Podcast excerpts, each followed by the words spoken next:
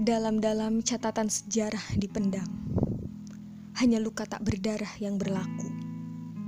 Berkali-kali patah, berkeping-keping hancur, terpuruk, remuk, hingga menjadi bubuk.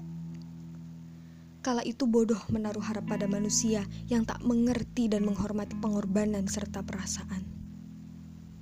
Tapi itu masa lalu, tak perlu diungkit.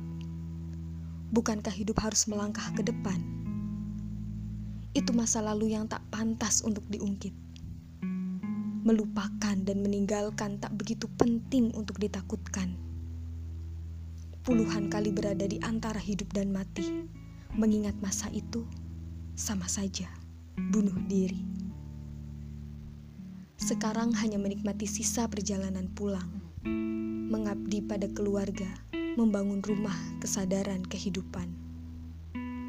Jika Tuhan takdirkan, mungkin akan dipertemukannya teman pulang. Toh Tuhan itu adil dalam memberikan luka perjalanan dalam kehidupan. Dalam perjalanan kehidupan untuk mendapatkan kebijaksanaan. Kita hanya perlu dan masih harus berjalan sedikit lagi. Jika semuanya terjadi, aku hanya ingin hatiku sudah pulang kepadanya. Begitulah dunia tempat segalanya ada. Sebelum jasad pulang ke tanah, pulangkan dahulu roh kepada pemiliknya. Sepahit apa pun derita, tak akan mampu menyentuh hati. Luka hanya berlaku ketika kita mengizinkan. Mengizinkan luka ketika meniadakan kehadirannya sekali lagi menyelam ke dalam dada.